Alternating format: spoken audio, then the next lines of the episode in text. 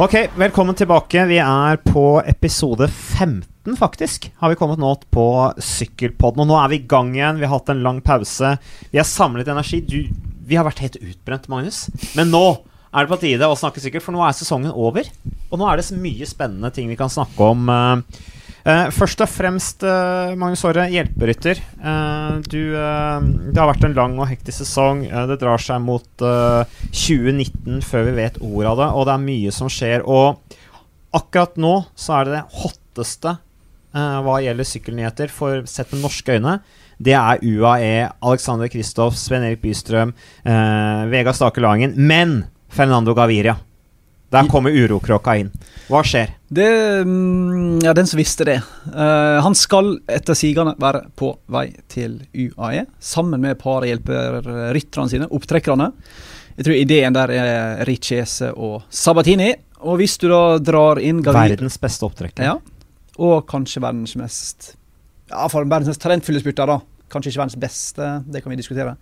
Uansett, hvis vi får inn Gaviria, så er jo da den naturlige konsekvensen at Alexander Kristoff sin posisjon er veldig trua. Eh, det sier seg sjøl. Kristoff eh, og co. som ikke har vært informert om denne prosessen i det hele tatt. Eh, spørsmålet er om det blir om det skjer. Men det virker overhengende. I det hele tatt. Nei, nei, og det virker overhengende sannsynlig. Og Utfordringa da er jo selvfølgelig Vi er i midten av oktober. Så godt som umulig, er ikke enig, for Kristoffer å finne seg en ny arbeidsgiver. Ja, Hvis han ikke har tenkt å ta til takke med luselønn på et eller annet mm. lag som bare sier ok, hvis du er så desperat at du vil bytte lag nå helt på tampen av mm. sesongen, så gjerne det. Men det blir ikke, det blir ikke rare økonomiske gevinsten på deg, og du får jaggu prestere skal du tjene penger. Sånn som jo Filip Gilbert gjorde når han gikk over til Quickstep. Kjører på bonuslønn og har glist hele veien til banken siden. Men utfordringen er jo selvfølgelig at Kristoff har en kontrakt for 2019. Uh, eh, har veldig gode betingelser økonomisk i det laget og vil ikke være interessert, så vidt vi kjenner Alex, til å sykle for Joker i, i, i 2019. Joker trenger han jo, da. De trenger ryttere. Men spørsmålet er jo da om hvis Gavira kommer inn, Hold pass til Gavire og Kristoff i Tour de France, pluss Dan Martin og eller Fabio Aro, det går jo ikke. Uh, men det er fortsatt selvfølgelig plass i klassikerne og diverse, men at han vil spille andrefiolin, virker jo åpenbart, gjør ikke Jo, det var jo det uttrykket Tor Hushovd, vår eh, sykkelekspert i TV 2, også sa om den saken, at han må spille annenfiolin. Uh, og jeg tror at det bare er en realitet for 2019. Ok, Gaviria kommer inn, uh, tar med seg Regese Sabatini. Uh, la oss si da Hva, hva tenker Kristoff nå, da? Altså, Hvordan skal han takle denne situasjonen mentalt? Altså, Hva sier Stein Ørn, stefar og trener, til Alexander Kristoff i den situasjonen? Graver de seg ned? Eller tenker de hm, her kan det jo være muligheter? For la oss si det, Magnus, at Kristoff uh, da sier ok, jeg, jeg kan uh, Nå får vi se på rittprogram og sånne ting, om de fordeler dette her. Jeg tenker Det verste er jo da hvis Christo sier ok, du må kjøre giroen, vi har Gaviria i, i, Tour de France. Uh, han får giroen liksom på toppen av klassikerne, som er viktig. Uh, da er han utelukka for Tour de France, som vi er veldig opptatt av. Selvfølgelig gøy med giroen, men det kan jo da bli scenarioet at han blir på en måte De fordeler rittprogram og sånn. Men la oss si at de kjører sammen, da. Uh, og så har du da Richese, Sabatini, Kristoff i et opptrekkstog for Gaviria. Og så kommer du ut i rittet, og så blir gutta slitne. Og den som blir mest sliten av alle, det er Gaviria. Etter å ha vunnet en uh, to-tre etapper allerede. Og så bryter han, sånn som skjedde i år. Og så kommer da Kristoff på slutten av Tour de France, plukker et par etapper på slutten, inkludert Champs-Élysées. Andre gang på rad. Hvilken mulighet! Men er Kristoff klar for å sykkelhjelperytter? Enda? Om noen år, kanskje. Jeg tror fortsatt han har ganske store ambisjoner på egne vegne enn så lenge. Ser for meg de kommer til å kjøre to forskjellige program, i så fall. Uh, planen til Alex neste år er jo å kjøre bitte litt mindre i Midtøsten i begynnelsen. Så litt flere klassikere i Belgia. Uh, vanlig klassikerprogram med Flandern og Robé som høydepunktet, selvfølgelig. Så de norske rittene sannsynligvis ikke California før Tour de France, og så VM. Så en sånn standard sesong bare at du bytte ut California da, med, med norsk, norsk ritt. Men hvis du da får Gavire inn Han vil sannsynligvis da kjøre Milano Sanremo, som han kommer til å vinne på et tidspunkt uh, Det er spørsmål om tid mer enn om. Uh, han, vil, uh, han er ikke ubrukelig på brostein, selv om han har masse beviser der. Han vil ikke Tour de France. så det er vel på en måte Klassikerne tror jeg han kan få kjøre ganske Altså Flandern Robé kan han sikkert kjøre ved siden av Gaviria, uten å være sånn dedikert 100 hjelperytter på han. Og så f.eks. endre programmet. Da og si da kjører jeg Giro mens du kjører Tour. Og så kjører jeg altså Alexander Kristoff Vuelta Og Det kunne vært en mulighet, tenker jeg. Men jeg tror han er veldig keen på Tour de France fortsatt. Det virker absolutt sånn. Ja, tror Så jeg, jeg tror ikke han er interessert i å bytte ut Tour med Giro Vuelta. Men personlig tenker jeg at det kunne vært en god plan B. Ja, det er jo en mulighet. Men, men for si... å fylle på på CV-en sin òg, da. ja, hva, hva kan de gjøre sammen, da?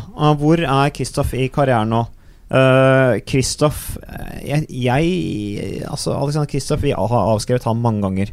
Men, men altså, han er ikke så rask som de raskeste eh, i Tour de France. eh, på mm, sånn standard distanse fra 150 til 200 km. Han er kjemperask når det er beinharde sykkelløp som er over 5-26 mil. Da, eh, da blir på en måte den relative forskjellen rent sånn hurtighetsmessig litt utligna pga. seigheten til Kristoff. Eh, og det er jo derfor også han? Han var jo den av spurterne som selvfølgelig takler Tour de France best. Eller en av de som takler det best. Eh, fordi at han tåler all julinga og kommer da til Champs-Élysées relativt freshere enn det mange andre gjør. da Og, og tar de da på slutten. Eh, sånn at, eh, men men, men jeg, tror, at, jeg tror at på, på sikt så tror jeg nok at Kristoff, med den evnen han har til å kjempe i feltet, med den erfaringen han har på slutten av, av hektiske uh, etapper Eller eh, på etapper på flate etapper i, i, i, voldsomt prestisjefulle etapper hit, at det at han vil etter hvert bli en opptrekker eh, for yngre, med gærne, raskere ryttere. Og så vil han allikevel ha muligheten der hvor det er for tøft for de. Jeg vet ikke hva du tenker, men og klassikerne Jeg, jeg, jeg syns ikke Gavira er en rytter som kan matche Kristoff Henno på type Flandern rundt Jeg tror ikke det er langt unna, altså. Nei, det kan kanskje komme på sitt, men jeg tror han kommer til å rendyrke hurtigheten sin eh, et par år til før han eventuelt eh, virkelig begynner å trene til, til klassikerne. Det er selvfølgelig bare en påstand fra min side, men, men eh, med, med, det, med det vi har så av han i år i quickstep, eller det potensialet han viser på, på flatspurter. jeg tro at det er det UAE bestiller fra han. De bestiller en massespurter i Tour de France, skal plukke etapper. De bestiller ikke en, en klassikerrytter i Gaviria. Har jo høsta litt kritikk, laget, iallfall fra norske Kristoff-fans, for at de henter ryttere som ikke er dedikerte hjelperyttere for Kristoff. De henter Oliveira-tvillingene, Sergio Enao, Tadej Pogacar, henta Tom Baarli. Mange gode ryttere, men som ikke nødvendigvis er spesifikke hjelperyttere for Kristoff. Og så sier mange nå ja, så jeg kommer nå i oktober og hente og endre laget fullstendig. Og så er det sånn, det er dårlig planlegging. Men jeg mener at hvis muligheten dukker opp for å få tak i Fernando Gaviria, da må du selvfølgelig gripe den begge hendene. Hvis det er penger og Det vet har de jo det har i det UAE, da. Det er snakk om skal få to millioner euro i året borte. Det er OK for en så god rytter. Fernando Machin, som da er blitt oppgradert fra si, sportsdirektør til mer generell sjef i laget, har et godt forhold til Gaviria fra før. Hvis du fått muligheten til å hente han i laget, så må du selvfølgelig gjøre det. Eh, Så tenker jeg at det er ikke, er ikke sikkert det er i krise for Alexander Kristoff, selv om Tour de France da sannsynligvis blir eh, enten som andre fiolin eller ikke i det hele tatt. da. Nei, jeg, jeg, jeg tror ikke han har, han har ikke noe annet valg enn å bare se på mulighetene. Uh, innlede en dialog med Gaviria, sette seg ned sammen, uh, si at jeg har fremdeles ambisjoner. Du kommer inn på laget. Hvordan skal vi gjøre dette her sammen? Hvordan skal vi bli et lag? Men så er spørsmålet igjen hva slags lovnader Alex fikk han signerte i fjor. da. Var det at du er vår hovedspurter de neste to åra, så skjønner jeg at han kan bli irritert. Men det sånn kan du aldri vite, sykkel. Iallfall ikke når det er en sånn situasjon der med Gaviria som plutselig står på et quickstep-lag som kanskje ikke har sponsor neste år. Men nå fikk de inn en i siste liten, da, The König. Men om sånne situasjoner skjer alltid i sykkelsporten. da. Og UAE, med en så bleik sang som de har hatt, som var kun redda av Alex og Dan Martin sin seier i Tour de de må gjøre store forandringer. Men klart, nå får du plutselig Kristoff, Gaviria, Dan Martin, Fabio Aro, Rui Costa, Diego Ulissi. Det er ganske mange store navn på ett lag. Så hvordan jeg klare å Det er få dem flott til å fungere i lag? Men altså, Ja, på papiret er det et flott lag. hvorfor snakker vi så mye om at hvordan skal de få det til å fungere når det er så mye gode ryttere? Se på Quickstep, da. Se på alle som er Jo, med og men er ikke. Quickstep unntaket som bekrefter regelen, nesten? da? Jo da, men, eh, men jeg tror det er eh, muligheter her, og jeg tror Kristoffer må på en måte ta en litt sånn lederrolle. Han, han, er, eh, han er en dreven rytter nå. Han er en av, han er en av de store gutta på, på laget. Og, og, og hvis han klarer å omdanne kanskje det, det negative bakteppet, altså bekymringene, over til muligheter, så tror jeg de kan ha det masse gøy hvis de får ut potensialet som, som ligger i hver enkelt rytter. Så, men, men eh, over til noe annet. eh, eh, altså, vi, vi Jeg har hatt en lang prat med med Edvard Baasen Hagen. Og denne sykkelpodden her er jo veldig handler veldig mye om Edvard Boasen. Fordi han slapp meg inn i huset. Eh, lagde kaffe. og vi hadde en kjempehyggelig prat. Skal vi høre hva han sier. Vi er Nå er jeg så heldig, altså. Det er 12. oktober. og jeg sitter oppe i Sogn i huset til Edvald Baasen Hagen. Og Edvald, du har laga kaffe. Jeg vet du, du, har en veldig fin kaffemaskin. og du er jo relativt lidenskapelig opptatt av kaffe, stemmer ikke det, Edvald?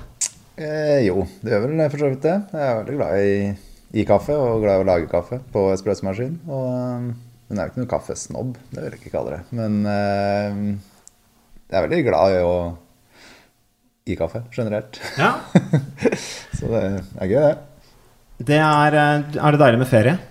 Det er jo det. Det er veldig godt. Um, jeg har, jeg har ikke tatt det helt fri ennå. Jeg skal kjøre superpokal og en uh, sykkelcross i, um, i, morgen, faktisk. Så har jeg jo trent litt styrke og liksom, for å vedlikeholde styrke og ikke slippe den helt ned. På grunn av supercross? Nei, det er mer bare for å liksom eh, få vekk litt stølhet. Jeg har jo egentlig trent litt styrke gjennom hele sesongen òg, men eh, sånn så det ikke blir altfor langt opphold før jeg begynner på'n igjen etter at jeg har tatt fri. Men jeg ser fram til å ta helt treningsfri òg. Det, det, blir godt det nå etter en lang sesong. Hvor lang treningsfri tar du, da? Eh, jeg kommer til å ta er det fire uker. Eh, så det blir første gang jeg skal ha så lang fri, faktisk. Så jeg må prøve noe, prøve noe nytt der òg. Ta litt fri og hente meg inn. Det har vært ganske lang sesong og, og, ganske hektisk, i hvert fall. Og med løp og Det har ikke gått noe voldsomt, men eh, da kan prøve å resette kroppen helt og bygge den opp igjen på nytt, tenkte jeg. Men uh, supercross, bare, det var litt interessant. Du skal være med på sykkelcrossen uh, nede i Oslo sentrum. Uh, jeg tror nesten jeg må dra ned og se på det. Uh, vi skal jo sende World Cup sykkelcross på TV2 også i vinter. Uh, apropos, hva er din Når du kjører disse sykkelcross, det er superpokal, hva føler du da? du føler jo et blodslitt, eller jeg føler i hvert fall det. Og det er jo gøy å bare stille opp, det er jo ikke noe jeg pleier å gjøre. Så da har jeg ikke noen store forhåpninger eller ambisjoner heller. Men det er gøy å stille til start og, og gjøre hva man kan. Og forrige gang jeg brukte sykkelcrossen, var vel for så vidt forrige superpokal. Så det er jo ikke sånn at jeg trener mye på crossykkelen eller hoppe over hinder og kjøre mye sånn der ja, løpe i trapper og greier med sykkelen. Det er mer bare for gøy. Og så ja, er jo i nærområdet. Da er det gøy å stille opp og gjøre noe annet. Men åssen uh, opplever du nivået til de norske gutta som er med i uh, superpokal? Blir du imponert over de? Jeg blir jo absolutt imponert. De gruser jo meg, så det er mye bedre enn meg. Så jeg er ikke Det er gøy å, å, kjøre mot dem og se hva de får til. Og så håper jeg at det vokser enda mer enn eh, hva det er nå i, i Norge òg. Det har jo blomstra mye, men eh, i forhold til Belgia, og hvor det er virkelig store løp, så er det jo fortsatt et steg å, ta i Norge. Men eh, det er veldig gøy å se på for publikum, tror jeg. Og og det er jo gøy type løp som er så tett på en kort rundbane. Og du får jo sett ryttere mye, så da bør mange folk stille opp, egentlig. Ja, det er én time full guffe? Det er det. Og det er jo blodsmak fra start til mål, så det er absolutt hardt, og, hardt løp. Og domineres jo av Wout van Ert og, og Mathieu van de Poel eh, på herresiden. Eh, ryttere som eh, Van Ert har du jo syklet mot uh, litt i år uh, allerede. Hevda seg jo bra i klassikerne. Van de Poel vil jo komme som ei kule, tror jeg, når han bare får kjørt dette Tokyo-OL-et sitt på terrengsykkel. Så mm. Men Edvald, uh, du sier at du har hatt en hektisk sesong, lang sesong. sesongen til Dimension Data, sykkellaget du er en del av, har hatt en, en tung sesong også. Eh, de står med sju seire. Eh, to av de er nasjonale mesterskap, inkludert Tempo-NM, som du vant. De vant nasjonalmesterskapet i Eritrea med, med Merawi Kudos. en etappeseier i Tour of Norway, det var da med deg. Tour Alps med Ben O'Connor, han ble jo skada. han måtte bryte Italia rundt, men han lå an til kanskje en topp ti-plassering sammenlagt der. Og så var det da en etappeseier i Dubai-tour med, med, Mark Cavendish. hvordan har stemninga vært i, i laget i år? Eh, den har ikke vært eh, Altså, stemningen blant ryttere har vært bra. Og jeg har jo hatt det gøy på, løp, men eh, det har ikke vært noe voldsomt av resultater. Og sånn sett så har kanskje lagledelsen har vel uh, syntes vi skulle ha kjørt inn noe mer resultater, og så klart ryttere. Så det har ikke vært optimalt, det. Men uh, vi har gjort hva vi kan, og vi har hatt en del uflaks. Men uh, med litt sykdom Jeg hadde en dårlig oppladning i vinter med, med sykdom og ja, galleblæreoperasjon. Og Hvor lenge var du egentlig borte pga. det? Jeg hadde først egentlig lungebetennelse i jula og store deler av desember som gjorde at jeg ikke fikk trent så mye. Og så ble jeg kvitt den, så skulle jeg begynne å trene opp igjen. Og så fikk jeg galleblærebetennelse så da, i starten av januar. Og da tok det en god del, så det ble jo en måned uten sånn skikkelig trening. Det ble sånn halv, halvveis. Og da taper en jo mye på det. Men eh, jeg vet ikke hvor mye som hva som har vært gjennom sesongen, men det har i hvert fall ikke vært helt på topp. Og jeg gleder meg til å komme tilbake sterkere neste år. Sånn, eh, men det er jo rart med kroppen. Jeg vet liksom aldri hvordan den reagerer når den det er jo et inngrep å ta vekk den galleblæra uten at den gjør så mye. Den er jo en Jeg vet ikke hva galleblære gjør. Har du lært mye om galleblære siste året? Eh, jeg leste jo litt om det når jeg ble operert, og han tar vel egentlig bare Nå er ikke jeg noen lege eller vet akkurat hva han gjør, men eh, det er i forhold til å skille ut fett eller bryte ned fett i det høres litt dumt ut, da. At du ikke har den mer. Ja, eller du tyngre i bakkene nå, da. Ja, eller, nei. Den er vel for å Hvis du spiser veldig mye feit mat, så skal den liksom hjelpe til å fordøye fettet bedre. Hvis det er forstått riktig. Og kroppen produserer galle fortsatt, men det er Den blæra er vel bare en jeg vet ikke om jeg skal gå inn så mye. Jeg kan ikke alt. Jeg syns det var kjempeinteressant. Jeg hører hvor mye du egentlig kan om galleblære. Jeg ble imponert. Ja, det er vel bare en beholder som pøser på litt ekstra hvis du spiser ekstra mye feit mat. Hvis jeg har forstått det riktig. Men eh, les heller på Google eller ja, Vi har, vi har hatt veldig lite anledning til, til, å snakke om galleblære på Sykkelpodden. Ja, uh, sånn at vi er veldig glad for at du uh, hadde den lille Du informerte oss om det, Edvald. Det, det setter vi pris på. Men eh, tilbake til laget. Altså, stevninga har vært god, sier du, mellom rytterne. Og sånn som Jeg var proff sjøl i fem år, og det er jo forskjell på ledelsen rundt omkring i lagene. Eh, noen ledere blir deprimerte, eh, og det blir mm. dårlig stevning. Altså de sprer den dårlige stevninga si i rytterstallen. Eh, hvordan reagerer lederne i Dimension Data når det på en måte er skader, det er sykdom, eh, de store gutta er ikke i form, eh, man leverer under pari eh, dag etter dag. Altså, hvordan, hvordan, er ledelsen i Dimension Data?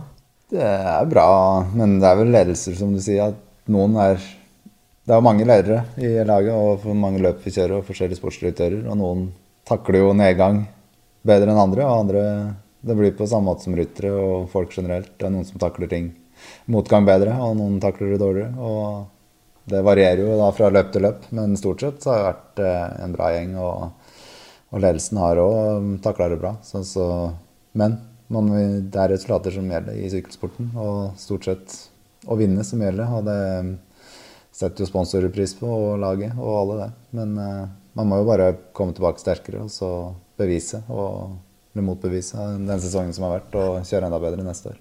Ja, for det er jo litt sånn Når, er, når du går dårlig i lag, så er du liksom programforplikta til å være gå rundt og være i dårlig humør og deppe, og alle skal liksom ta dette her på alvor. Men hva gjør du, hva, hva, gjør, hva, hva gjør, du for å holde humøret oppe i laget når det går tungt? Du, du, har jo fått en litt sånn Du har en litt sånn mentor. Du er blitt en av veteranene på laget. Du har passert 30. Du har veldig mange år bak deg som, som proff, vunnet mye. Og du har en litt sånn mentorrolle i, i laget. Eh, ja, jeg har vel egentlig det. Men eh, jeg gjør jo ikke noe annet enn å være meg sjøl og gjør hva man kan, og ikke prøve å grave seg ned når det går negativt, eller når det går dårlig. Så må man jo bare se lyst på å og ikke bli nedgravd av, av, å tenke i en negativ spiral. Så er det jo bare å prøve å tenke positivt og, og se fremover. Og så prøve å få en god spirit i laget. Det er viktig det, for at, for at i hvert fall rytterne skal prestere og ikke bry seg så mye om om hvordan det går, og heller prøve å ha det gøy. Og da kommer resultatet etter hvert. Men uh, du har jo Stephen Cummings, Cavendish, Slakter legger vel opp, uh, så vidt jeg har skjønt. Jeg vet ikke om du vet noe mer om det, Edvald? Tom Helte Slakter? Skal han legge opp, da? Nei, det vet jeg ikke. Serge Powers hadde en tredjeplass i Tour Yorkshire, ble 80 i Algarve. Mentis har hatt en um, Han har slitt, vært middels. Vermont har vel ikke gjort stort. Uh, Janse van Rensburg har vel også slitt med, med, med sykdom eller skader. Og så er det jo Det som er spennende, er jo hva som skjer med Dimension Data det kommende året. For da skjer det jo veldig mye. Uh, du har også uh, Kreuziger som skal inn. Gasparotto skal inn. Uh, Giancolo Nisolo som kommer fra trekk. Veldig god spurter for øvrig. Uh, Mikael Valgren, dansken. Kjempespennende. Uh, Danilo Wuss. Og så ikke minst Rasmus Tiller, 22-åringen. Uh, så hva tenker du om eh, Kan vi da snakke om nye Dimension Data fra 2019? Ja, det er jo stor utskiftning i laget, og det blir mange nye ryttere. Så det blir, eh, det blir jo mye nytt og nye sykler, så det er jo veldig mye, mye nytt på gang. Og jeg tror det er bra med litt, litt forandringer, men jeg, eh, jeg gleder meg til, til, neste år. For det, det har vært veldig bra i de, laga, de åra som jeg har vært i laget. og og trives. Men noen ganger så er det jo bra å ha litt utskiftninger, og da tror jeg det er bra, bra utbytte nå.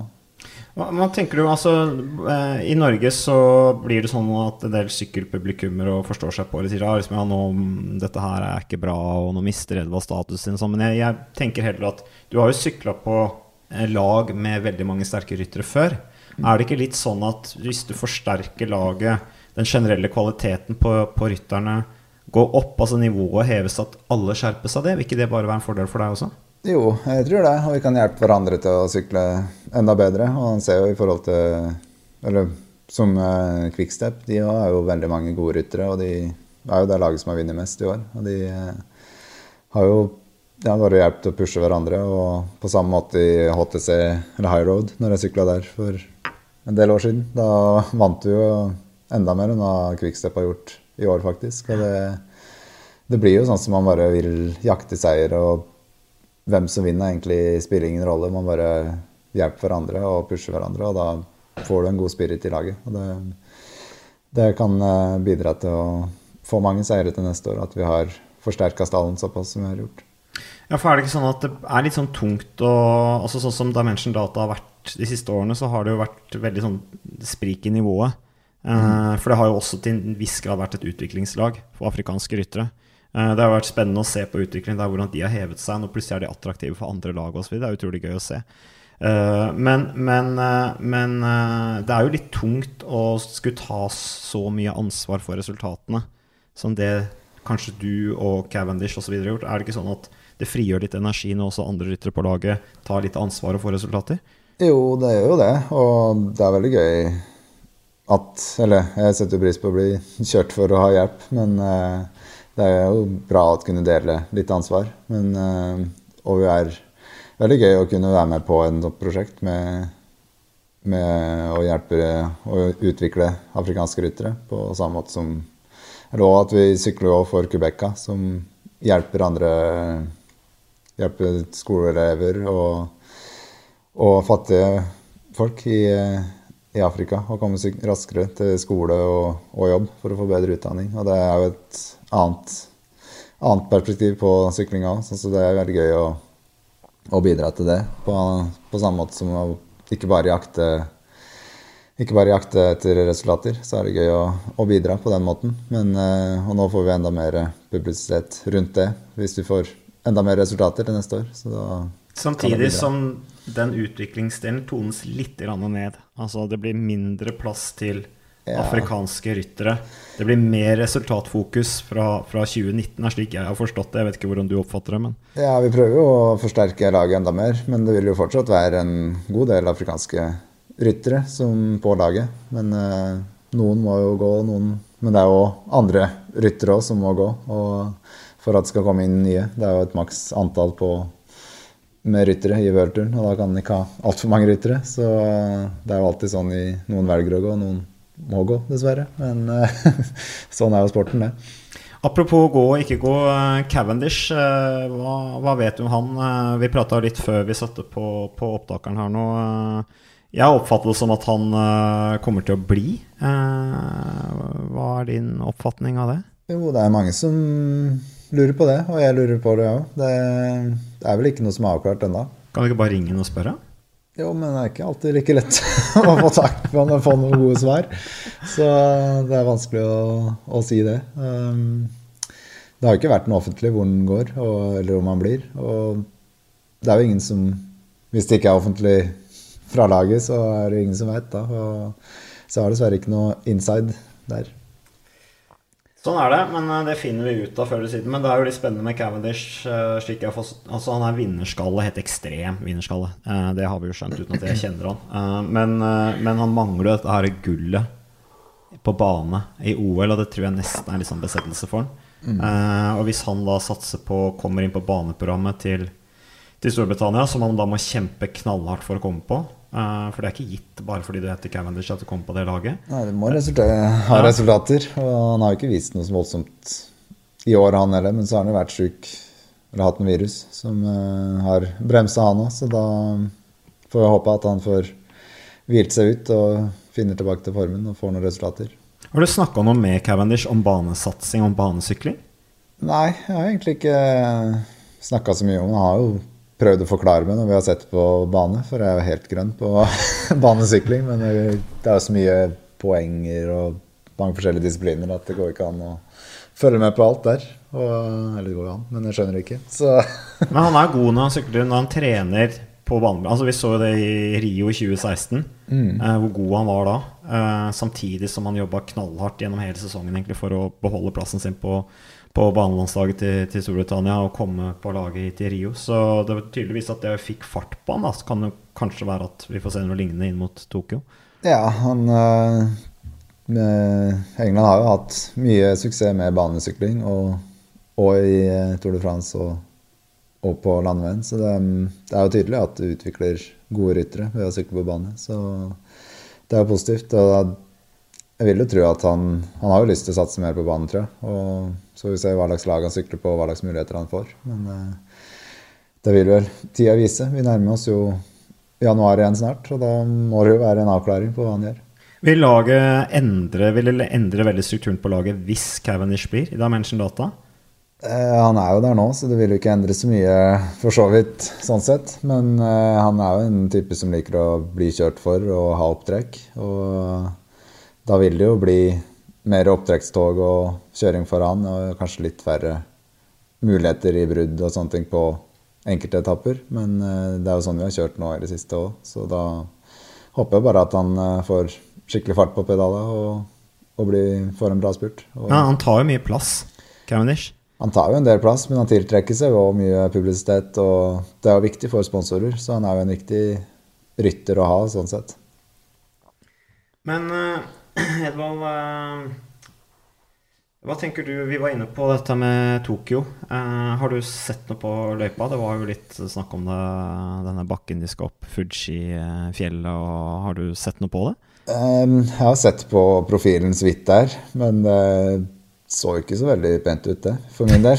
Så den er vel eh, enda hardere enn hva enda hardere enn hva VM var i Innsbruck. Og det gikk jo så der for min del, det. Så da må man i hvert fall trene enda mer på bakker hvis det skal kunne gjøre noe bra der. Men eh, det er ikke Ja, det er fortsatt noen år til Tokyo, heldigvis. Men eh, Men tenker du Tokyo nå? Har du begynt å tenke på det? jeg pleier stort sett å ta litt sesong for sesong, og så tar vi det den, når Tokyo her eh, nærmer seg. Men jeg har jo sett på det, så, så tankene er jo der. Men det er jo for hardt sånn som det ser ut nå. Og da fokuserer jeg heller på å få en bra sesong neste år og prøve å vinne flere seire. Og så håper jeg at det er bra slag til Tokyo. Men du har jo sykla veldig bra oppover før. Altså Eh. 2012 var det jo helt fantastisk oppover, måten du jobba for Wiggins, uh, Froome Var det det at uh, det gjorde noe med deg fordi at du var i laget som var i en så medgang den gangen? Det var et så sterkt lag at, du på en måte ble, at det gjorde kapasiteten din på en måte at mentalt sett at du ble sterkere av det, og dermed ga mer av deg sjøl, så det gjorde at du klatra bedre? Eller var du bare en bedre klatrer i 2012 enn det du har vært nå de siste årene? Jeg var vel kanskje en bedre klatrer fordi vi trente mer i fjella og var mer fokus på det. Men så var det jo ikke så mye punch når det skulle spurtes heller. Så det, Du hadde jo to andreplasser da, i Tour de France det året. Ja, det var jo kanskje i god form. så det Er er, det ikke sånn når du er god Altså når du er generelt bedre oppover, så sparer du også en del krefter, så du har litt mer energi på slutten av etappene? Jo, det er jo sant, det. Så um, jeg var jo tydeligvis i bra form, og Trakk og spurt for Cavendish, gjorde du òg? ja, så jeg hadde nok eh, bra trøkk. Det er jo, er jo tydelig, det. Men eh, ja eh, Uvisst hva som var, eh, var da. Men eh, det er eh, Jeg har tapt litt av den bakkeegenskapen, men så har jeg jo ja, Akkurat i år kan vi ikke sammenligne så mye med spurten, for så vidt. Men jeg føler at jeg har bedre trøkk, og det er gøy å kunne være med å avslutte og ha, gå på i brudd og, og kjøre på den måten. Men det var mer fokus i fjella. Og, men når det går bra, så drar man jo hverandre oppover. Sånn i, i både form og, og du gir ekstra hardt på. Og, men er ikke, jeg gir jo aldri Gir meg jo aldri før det gir seg, uansett. Nei, og Det er jo interessant det du sier, at dere trente mye på Hadde mye fokus på bakker, som naturlig var i, i Team Sky på den tida, med de ambisjonene de hadde. Og du sykla fort oppover. Du ble to i VM det året også, foran, eh, foran Valverde. Stemmer det. Det er mye det, det var jo det året, det òg. Jeg ser jo bare framover, stort sett, og husker svært lite resultater generelt. Men eh, det var jo egentlig et bra år når du, når du sier det. 2012 var et knallår, det. Det var ikke så mange seire, men det var et ganske greit år allikevel. Ja, altså, men du, altså, du har gjort det før, og, og kan, eh, kan jo helt, Det å gjenskape mm, kan jo være mulig. Valgren og sånn, det er jo interessant at han kommer inn i laget. Han har jo også sannsynligvis fokus på, på Tokyo, vil jeg tro. Eh, Ja, han er en spennende rytter, og han er eh, absolutt sterk. Og han eh, går jo bra oppover, og, og i klassikersesongen så er han jo veldig bra. Så um, han er jo kanskje en litt lignende type rytter, og, men jeg tror det er bra å kunne spille ut Spille på to flere kort, eller to kort i, i laget, og kunne hjelpe hverandre på den måten. Så det, jeg ser fram til å sykle med han. Jeg kjenner han jo ikke som person, egentlig, men han, det lille jeg snakka med han, så virker han veldig hyggelig. Hva gjør dere nå, da, når dere skal inn i sesongen 2019, bygge nytt lag, eller i hvert fall altså, inkludere de nye rytterne? Hva gjør dere da for å bygge laget? Eh, Vi skal på treningssamling i Cape Town. Og det er jo et sørafrikansk lag, så se Sør-Afrika. Og det en, vi har vært det i alle år, egentlig. Og det er en veldig fin samling. Og litt teambuilding og litt møte med sponsorer. Og det er jo ikke det er jo tidlig i sesongen, så det er ikke så mye trening, men allikevel en del trening og, og sånn ja, ting som må gjøres. Ja, det er med fotografering og forskjellige intervjuer og tilpassing av sykler og sånne ting. Så det er den type samling vi skal på da, i november. Og så blir det samling i januar. Sånn, så det blir jo en del samlinger. Og så blir det jo samhold i laget da. Men eh, dere, du nevnte eh, nye sykler. Dere skal jo sykle på BMC. Mm. Eh, Cervelo, Mitt inntrykk av Cervelo er at det er fantastiske eh, sykler. Hva tenker du om overgangen til nytt sykkelmerke? Jo, det er alltid gøy og spennende å se nye merker. Jeg har ikke prøvd BMC tidligere, og Cervelo er bra, bra merke, det. Og, men de har kanskje vært litt stille på utviklingsfronten. Nå har de akkurat utvikla en ny sykkel nå, men Så det er det er kanskje på tide, men, men Ja, de skal jo sponse Sunweb. Ja, de skal det nå. Og de har vel akkurat lansert en ny sykkel nå som jeg ikke har fått, fått prøvd. Det hadde vært spennende å prøve den, men uh, nå um, blir det BMC vi skal sykle på til neste år. Og um, jeg ser fram til å prøve de syklene. De ser veldig raske ut, og, og det blir, blir gøy. Du får høre med Tor Husov hva han uh, syns om eh, BMC. Han har jo kjørt både BMC og, og Cervelo for så vidt, han. Men han kjørte jo da Når han kjørte Cervelo, så var det vel den sykkelen som vi sykler på nå. Så det er vel ikke så stor Eller jeg har ikke fått Han hadde en veldig bra sykkel da. Han hadde en veldig bra sesong med, Eller veldig bra karriere med Cervelo. Eller bra Ja. sesong med, med, med, med Cervelo. Ble ikke så bra med BNC, men det kan jo være motsatt med deg. Uansett, Sats på det. hva blir målsettinga di for, eh, for året som kommer, eh, Edvald? 2019? Hva blir ditt store mål i 2019? Eh, Det er alltid klassikersesongen som er et stort mål for min del. Og um, og prøve å få noe mer, mer seire generelt hadde jo eh, er et stort mål, det. Men eh, klassikersesongen med Flandern og Robé er eh, hovedmåla i starten av sesongen. Og så etappeseier i Tour de France. Det er jo det er kanskje kjedelig, men eh, det er jo de måla jeg har hvert år. Og noen ganger så har det slått til, og andre ganger ikke. Og neste år er vel året. Men uh, jeg syns ikke det høres kjedelig ut. Jeg syns det høres ut som veldig riktig fokus. Er det det ja, du det er kjedelig med samme mål hvert år, men ja, Må det ha vært alternativet, da? Nei, det kunne jeg snudd opp ned og gjort noe helt annet, men Tappe i Sveits rundt? Ja. Jeg har ikke kjørt jeg har kjørt Sveits rundt én gang, i 2008. Så det er jo kanskje på muligheter for å gjøre noe annet. Men uh, det er uh, Ja, jeg liker Tirena Radiatico og de løpa. Milan San Remo. Men det er ikke giroen, ikke sant? Det blir ikke noe, har, har, Nei, blir... du snakka om sesongopplegget ditt? Nei, det er det vi skal gjøre nå på, i samling i Sør-Afrika, egentlig. Og, og, snakke og legge sesongplaner da. Så det blir, blir vel lagt mer da. Men det blir nok ikke store forandringer, det gjør det ikke. Men kanskje noen løp her og der blir annerledes. Men det er det du primært har lyst til i dag? Det er klassikerne og Tour de France det er de store måla for 2019 ja. i ditt hode. Så hvis uh, laget foreslår at du skal skifte helt fokus og satse på giroen, så må det en omstilling til mentalt for deg for å godta det? Eh, ja, men samtidig så er det jo gøy. Det er veldig artig løp. Og jeg har jo ikke så mange seire der heller, så da hadde det vært gøy å ha noe, ha noe mer. Jeg har jo én etappeseier, vel.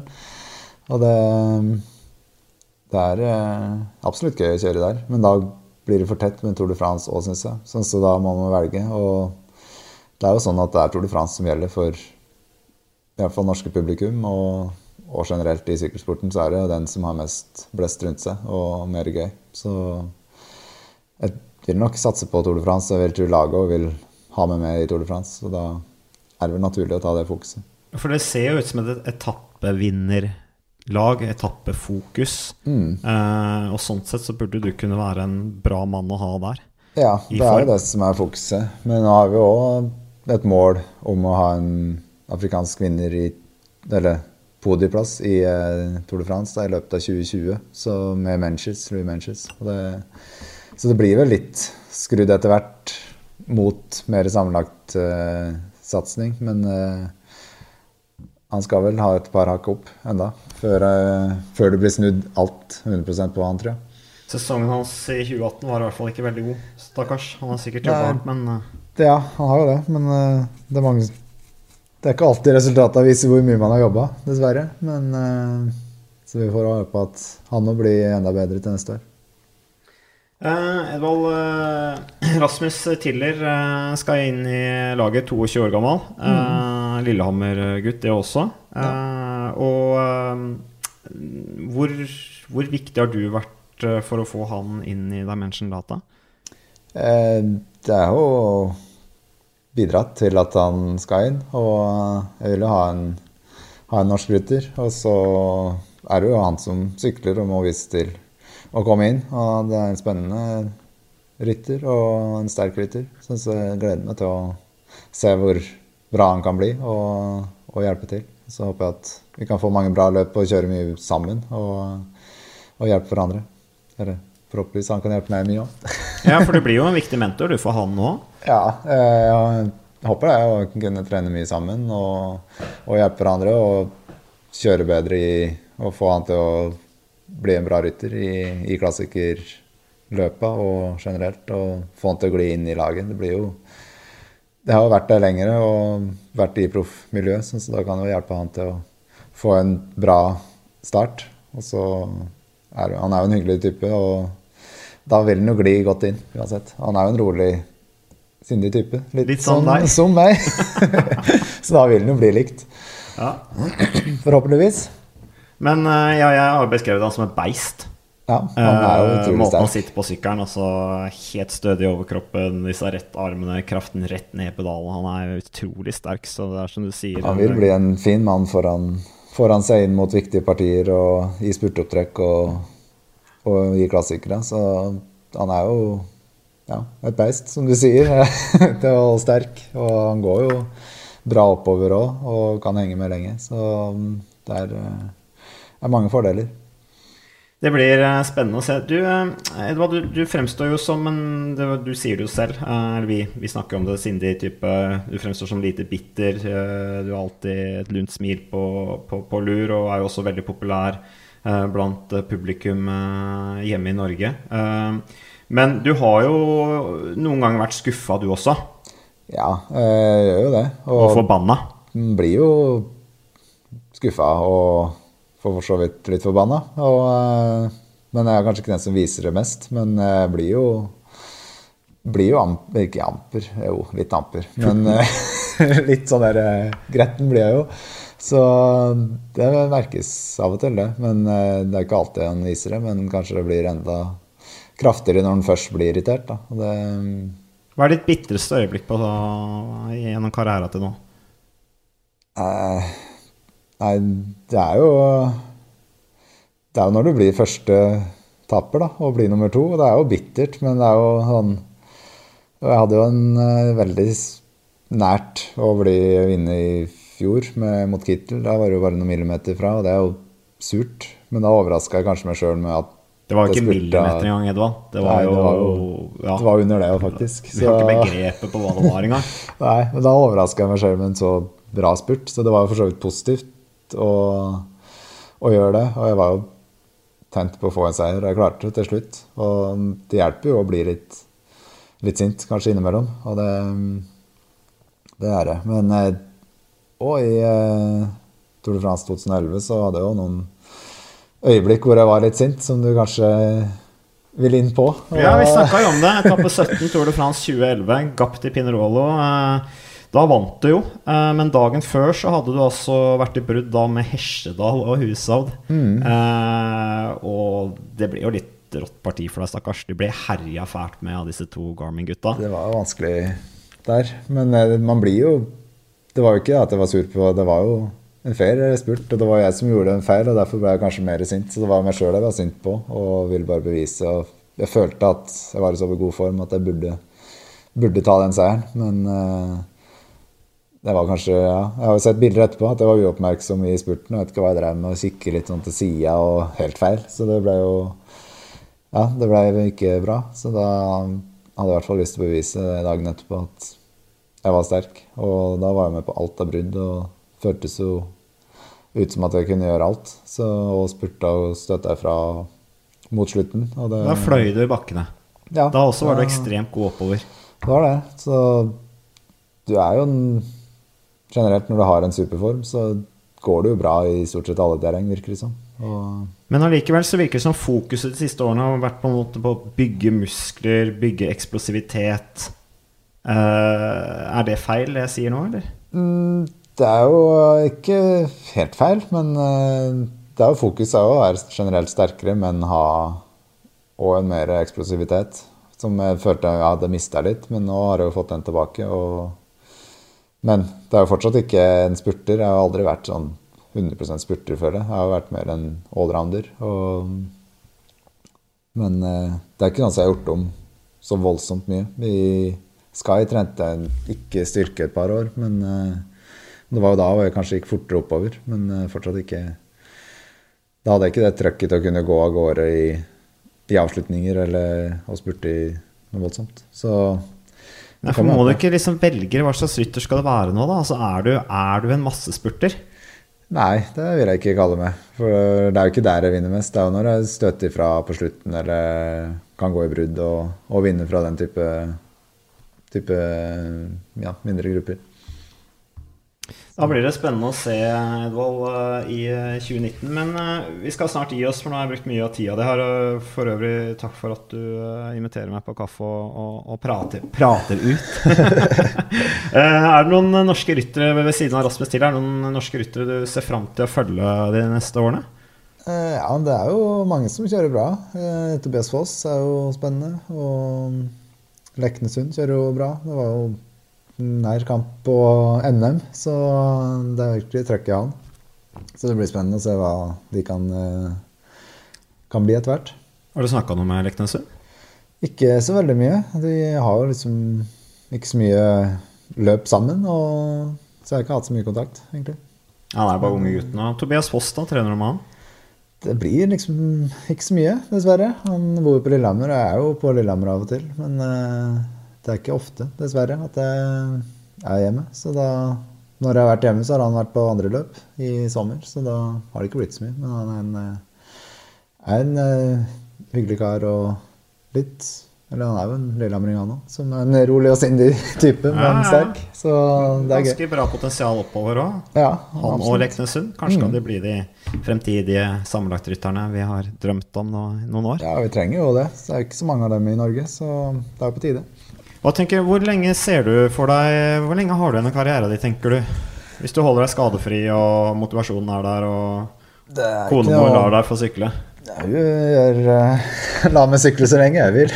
så det er jeg som bestemmer det. Men uh, jeg tenker at de fleste ryttere er jo mellom 35 og 40 når de legger opp. Og det er vel rundt der jeg tenker at det kommer til å være òg. Og det er jo fortsatt en del år igjen. Og så lenge du er motivert og som sagt skadefri og og har det gøy, så har jeg lyst til å fortsette. Det er ikke noe annet jeg har lyst til. Og alternativet syns jeg ikke virker noe bedre, og jeg har ikke lagt noen store planer. Hva er alternativet?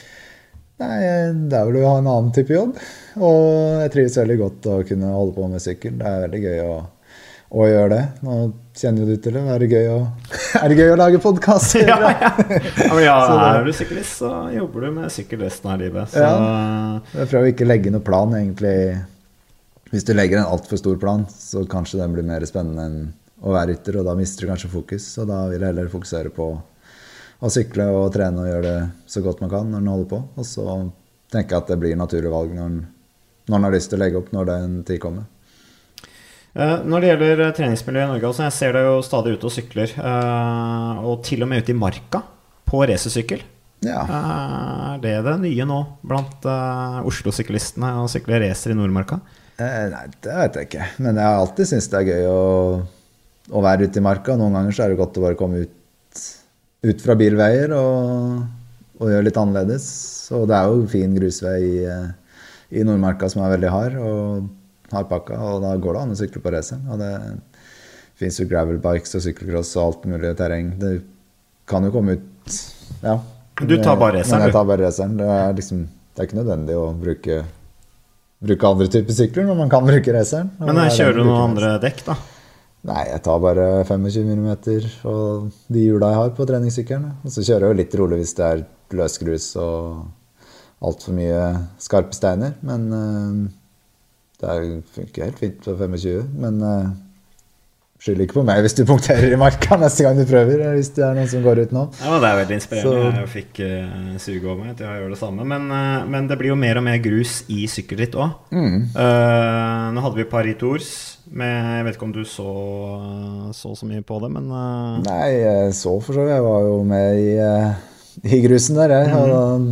det var en det, var, det, er jo gøy på grus, men jeg syns ikke alle løp behøver å bli det. De, jeg punkterte én gang der, og det var ikke Og jeg tror vi hadde Jeg tror stort sett alle på laget hadde minst én punktering eller flere. Og da er det unødvendig, for det var jo sånn skarpe steiner og ikke egentlig syklebare grusveier vi kjørte på der. Så det er unødvendig. Men sånn eh, Strade Bianchi syns jeg er gøy løp når det liksom er det starta med å være grus, og hele poenget med løpet er at det skal gå på litt grusvær her og der. Mens Paris Tours har vært ikke noe grus tidligere, og da behøver du ikke å plutselig putte inn grusstrekninger bare for å, bare for å gjøre det. Så for jeg så Quickstep de sa vi, vi gidder ikke å være med neste år. Mm. Uh, hva tenker du? Uh, Nå har du sagt det for så vidt. Men. Ja, det er jo det at du behøver ikke å krydre alt med grus. Alt behøver ikke å bli spektakulært. Og, for det er jo Du må ha flaks for å kunne vinne det løpet da. Og det er greit med noen løp hvor du skal ha flaks, men det er jo Det er gøy å ha noen klassikere hvor du ikke endrer altfor mye, alltid. Paris Tours er jo uansett et morsomt løp. Altså Det er jo et ja. ritt hvor uh, det kan eksplodere i finalen, og det kan bli masse spurt, det kan gå mm. en gruppe. Det er for så vidt et fint ritt for deg også. Ja, det var første gang jeg kjørte det nå i år. Men uh, det, er et, det er jo et bra løp. Og det er jo bakker nok til å kunne eksplodere, som du sier. Og da, da behøver du ikke å endre på det. Så men uh, jeg er jo en gammel terrengsyklist og liker for så vidt grus, jeg. Men greit å bare ha noen enkeltløp. Du bør ikke ruse altfor mye.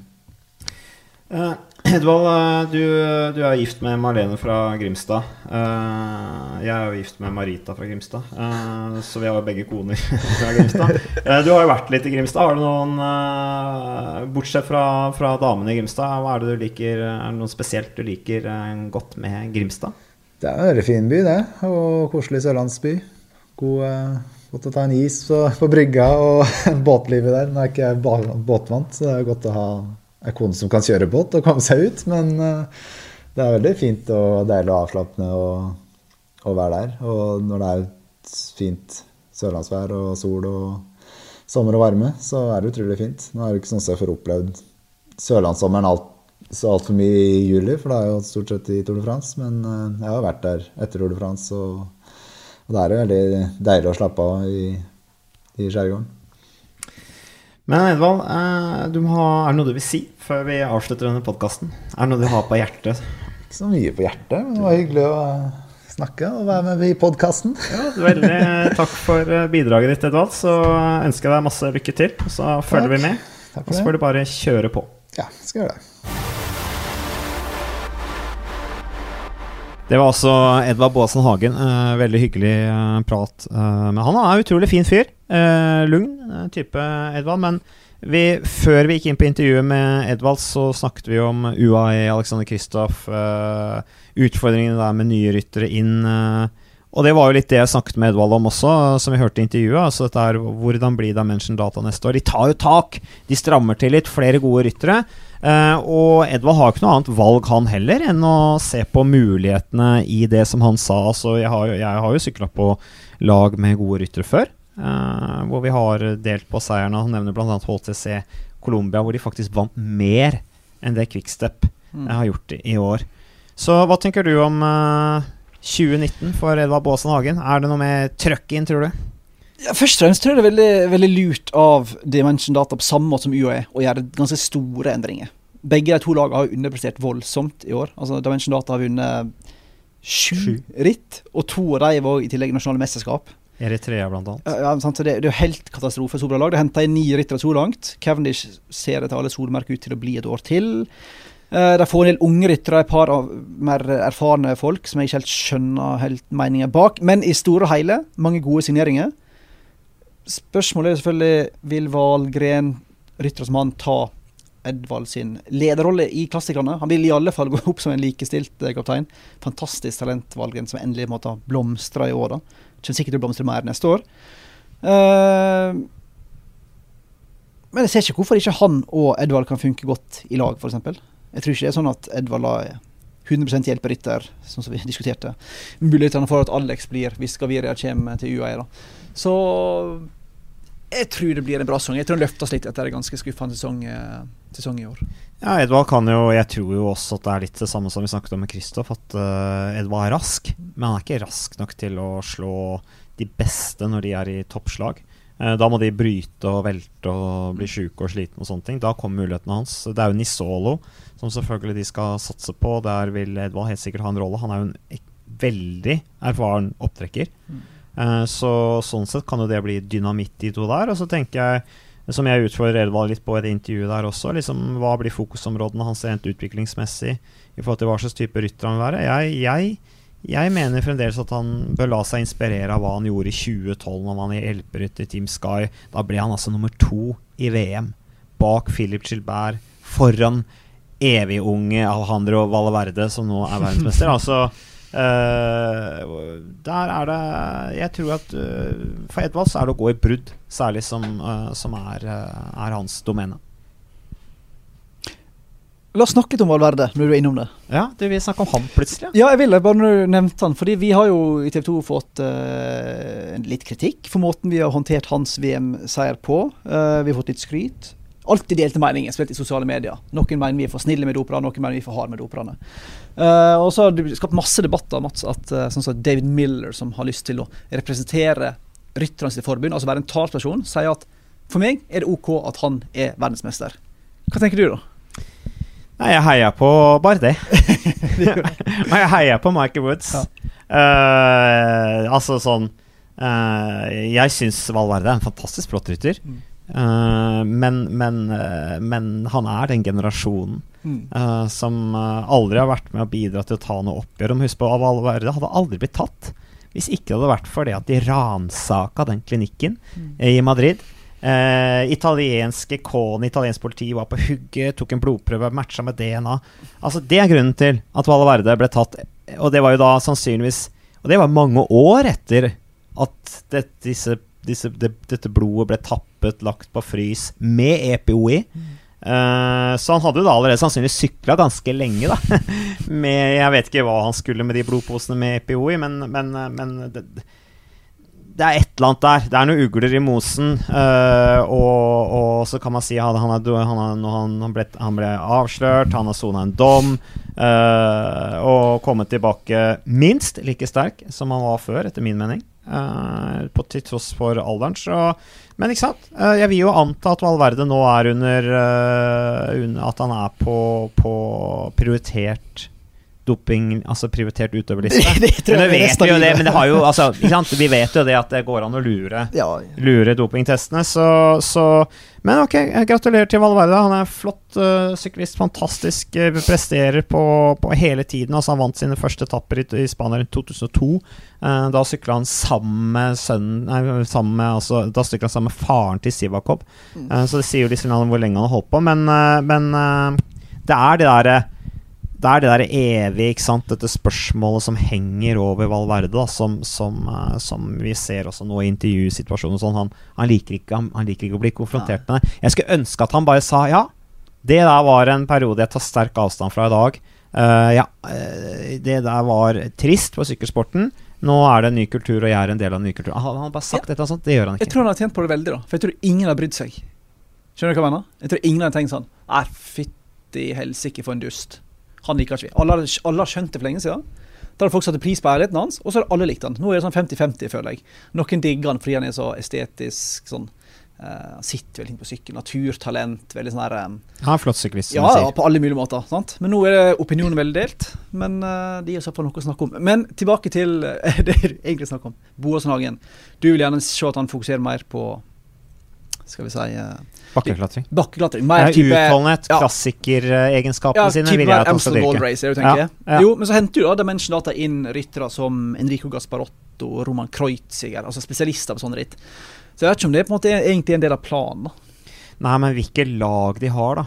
Til klassikerne med Gasparotto-valget. Valgen. Og, og jeg håper jo nå at jeg, jeg tror Edvald er en type som fungerer best når han er i et miljø hvor han blir litt utfordra. og jeg føler at Dimension Data av mange årsaker i år har jo ikke prestert. De har vært sjuke og skada, det har gått helt på tverke stort sett alt. Eh, og så har han uh, fått mye resultatpress på seg, Edvald. Han har jo gått glipp av veldig mye av opptreningen nå, så han har jo også vært bakpå hele tiden. Eh, og når folk da snakker om han er ferdig og sånne ting, jeg opplever ikke at han er ferdig, jeg opplever at han er Nei, kjempemotivert. Ja, uh, så jeg, jeg tror at han vil bli dratt med, sånn som jeg har sagt flere ganger òg. Når man sier spørsmålstegn når han liksom skal sykle på lag med andre gode ryttere, og liksom Ja, da er han ferdig, og Moderne sykkelsport er ikke sånn. Edvald er ikke noe soleklar kapteinsevne, han i de store lagene. Men han kan utvikle seg og få masse flotte opplevelser på sykkelen, og toppresultater og forhåpentligvis seire. Av at han er et del av et miljø hvor han blir stimulert. Og det, det tror jeg han vil bli med nye Dimension Data fra 2019. Ja, det er spennende å se.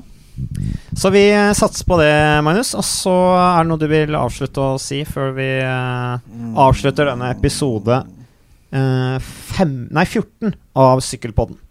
Det blir spennende neste uke. Da er det Tour de France 2019-presentasjon.